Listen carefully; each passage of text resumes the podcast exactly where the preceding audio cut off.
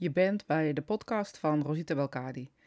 En ik heb besloten om, zolang als dat ik het leuk vind, uh, zolang het lukt, op allerlei redenen, uh, elke dag, maar door de week een podcast op te nemen. Mocht je dit, dit luisteren op YouTube, uh, dan loop ik daar wat op achter. Want de podcasten die ik ehm, ehm, normaal zet, zet ik op Spotify podcast en Google podcast. En nog wel wat meer die ik nu even niet uit mijn hoofd weet. En de YouTube, het YouTube kanaal uh, ik het wat later op. Uh, gewoon omdat dat eigenlijk gewoon meer werk is. En ik deze intentie van deze podcast echt zo heb, ik neem het op. En het is online. Ik ga er niet aan sleutelen. Ik ga er niet aan knippen. Want dan gaat volgens mij het, uh, ja, het hele idee weg van waar het eigenlijk voor bedoeld is. In mijn beleving. Want waar is het voor bedoeld? Om gewoon de behoefte te vervullen die ik voelde om elke dag te podcasten. Bijna als een dagboek. Um, uh, maar dan, ja, maar dan gesproken. Nou, daar hoef je niet heel uh, uh, erg over na te denken. maar ja. Um, en toen ik deze aanzette, en dat is dan ook wat ik eigenlijk wilde proberen om te kijken, kan ik het een beetje zo doen dat het niet voorop gezet is, zeg maar. Dus dat ik niet elke keer denk, oh, nu ga ik het hebben daarover, nu ga ik het hebben daarover. Uh, soms zal het zo zijn dat als ik een podcast uh, maak, dus als, als ik eentje opneem, dat ik al een klein beetje link of kijk naar de volgende. En dan vervolg ik hem wel. Tenminste, dat probeer ik. Um, maar goed, ik probeer het dus wel geïnspireerd of in ieder geval op het moment te doen. Zodat het ook een gesprek wordt. Um, en precies dat wordt hoe ik het voelde dat het moest zijn. En ja, of je het dan leuk vindt of niet, dat is dan een tweede. Maar to the point.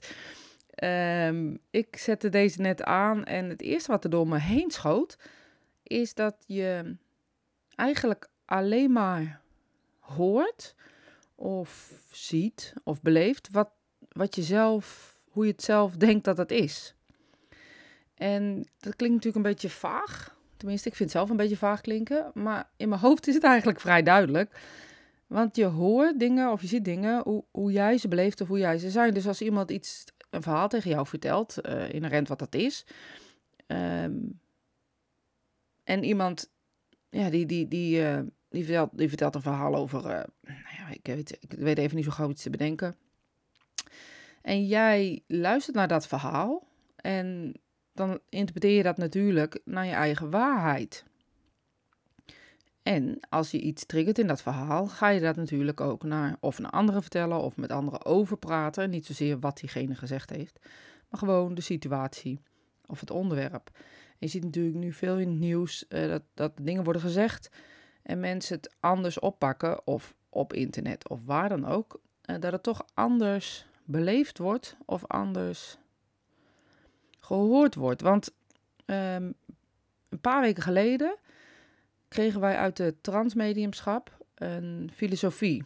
Een transmediumschap is een vorm van mediumschap waarin er een medium in de transstaat gaat en die zichzelf zo ver mogelijk uit de weg kan zetten, zodat de spirituele wereld hun eigen filosofie of vraag kan beantwoorden van mensen die er dan zijn. 9 van de 10 keer beginnen ze met eigen filosofie of van alles en nog wat, daar kan je van alles bij bedenken. En later komen ze dan met Um, ja, of, of je kan vragen stellen en dan uh, zullen de mensen daarop uh, antwoorden. Of de zal de spirituele wereld daarop antwoorden. En um, ook, uh, eigenlijk zijn die antwoorden altijd heel erg meningloos. Ze hebben helemaal geen invulling van de situatie of mening van de situatie. Ze zeggen gewoon, je vraagt iets en je krijgt een antwoord. Maar soms stellen ze ook dingen en die vertellen ze dan. En wat heel grappig was, is dat een van die filosofieën, die deelde ik in een, uh, in een lesgroep. En uh, de filosofieën gingen over uh, polariseren en um, de verdeeldheid tussen mensen en nou, van alles en nog wat. Um, maar niet zozeer dat, dat helemaal niet met een mening. Ze, ze vertelden gewoon, ze constateerden gewoon dat, dat er dus een verdeeldheid is en dat dat al sinds mensheugenis zo is. Um, dat er altijd, als er iets gebeurt in, in de wereld, dat mensen uh, A, B of C kiezen of uh, wat dan ook. Nou,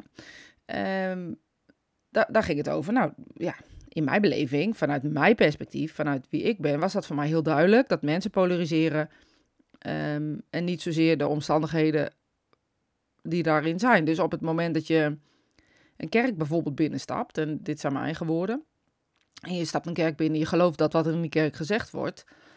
Ehm, en ik ga met dat wetende, gezeggende naar buiten en ik vertel hetzelfde verhaal, zal iemand anders het uh, misschien als haat uh, verspreiden zien. Terwijl dat wat er gezegd werd, uh, misschien wel hartstikke liefdevol was ehm, op dat moment.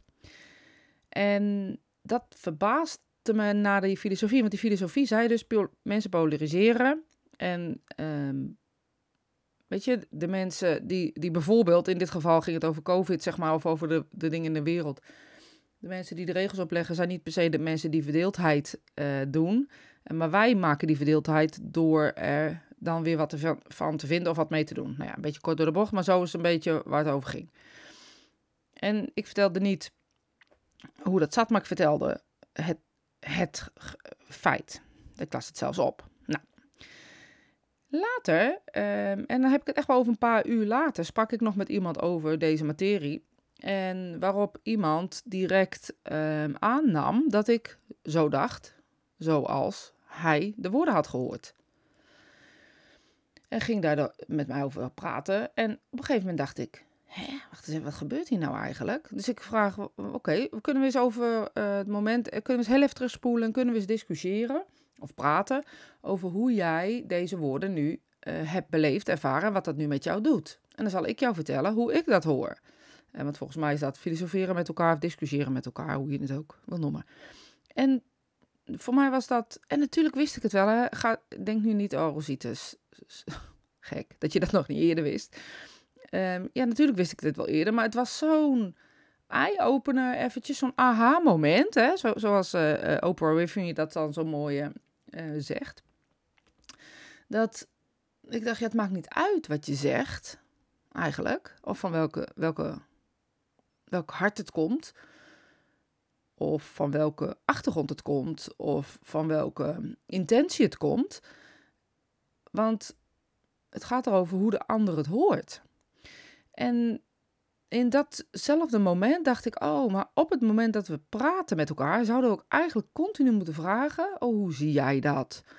Uh, of hoe ervaar jij dat nu wat ik zeg? Of uh, hoe komt het bij jou over wat ik zeg? Want dan kan je pas echt weten uh, hoe, hoe dingen aankomen bij iemand. Want stel je voor, ik zeg, nou ja, groen is donkergroen is donkergroen. En ik wijs daarbij een kleur aan. En ik zeg, nou, dat is donkergroen. En jij knikt en ik denk, oh, je hebt het begrepen. Je draait je om en ik hoor je tegen iemand anders zeggen. Met een, uh, een lichtgroen pakketje in je hand. Kijk, dit is donkergroen, want Rosita heeft het gezegd. Uh, dat is dan de aanname die we doen, omdat we denken, en dan heb ik het over mezelf, hè, dat ik dus denk dat een ander het begrijpt. Of in ieder geval begrijpt hoe ik het bedoel. En in de afgelopen jaren, en nu komen we toch wel een klein beetje, merk ik, uh, dat mijn hoofd er naartoe gaat naar roddels, et cetera um, kom ik er dus achter dat als je iets zegt, ook al bedoel je het met alle liefde van de wereld, en bedoel je helemaal niet het met een lelijke uh, achtergrond, maar gewoon een constatering of de manier waarop jij denkt en in elkaar zit, dat een ander met dezelfde woorden uh, natuurlijk aan de haal gaat, maar niet zozeer je woorden verdraait, wat ik altijd eigenlijk een beetje zeg, zo ja, ze maar woorden verdraaid. Maar dat is eigenlijk helemaal niet wat er gebeurt je, je komt, het komt in je hoofd en het komt in de hoofd met alles wat jij bent en jij weet. En op het moment dat het er dan uitkomt, um, ja, dan komt het ook met jouw meningen, met jouw woorden eruit. Dus waarschijnlijk bedoelde je dat wat ik zei. Alleen, jij hebt dat wat ik zei anders opgepakt en anders doorverteld. En dat was voor mij zo'n. En ik hoop dat je me nog begrijpt. Zo'n realisatie dat ik echt dacht, het maakt gewoon helemaal niet uit wat je zegt. Al zeg je niks, dan kan het nog verkeerd opgevat worden of verkeerd veranderd. Want verkeerd opgevat klinkt te negatief. Het is eerder dat ik denk, nee, het maakt niet uit. Als ik zeg, uh, babygeur is fijn, um, dan kan een ander, weet ik veel wat, nou, dan kan je volgens mij niet zo heel veel aan veranderen. Maar goed, um, um, ik, ik zie uh, dat als groen en een ander zegt, ik heb er niet bij gezegd of ik donker licht, paar, uh, lichtgroen of weet ik het, of ik het lelijk vind of mooi vind of wat dan ook. Maar de invulling van de ander maakt dat mijn woorden een andere lading of betekenis krijgen. En gek genoeg, nou, en moet je 50 voor worden? Nou goed, ik ben 49, ben bijna zover. Ben bijna zover.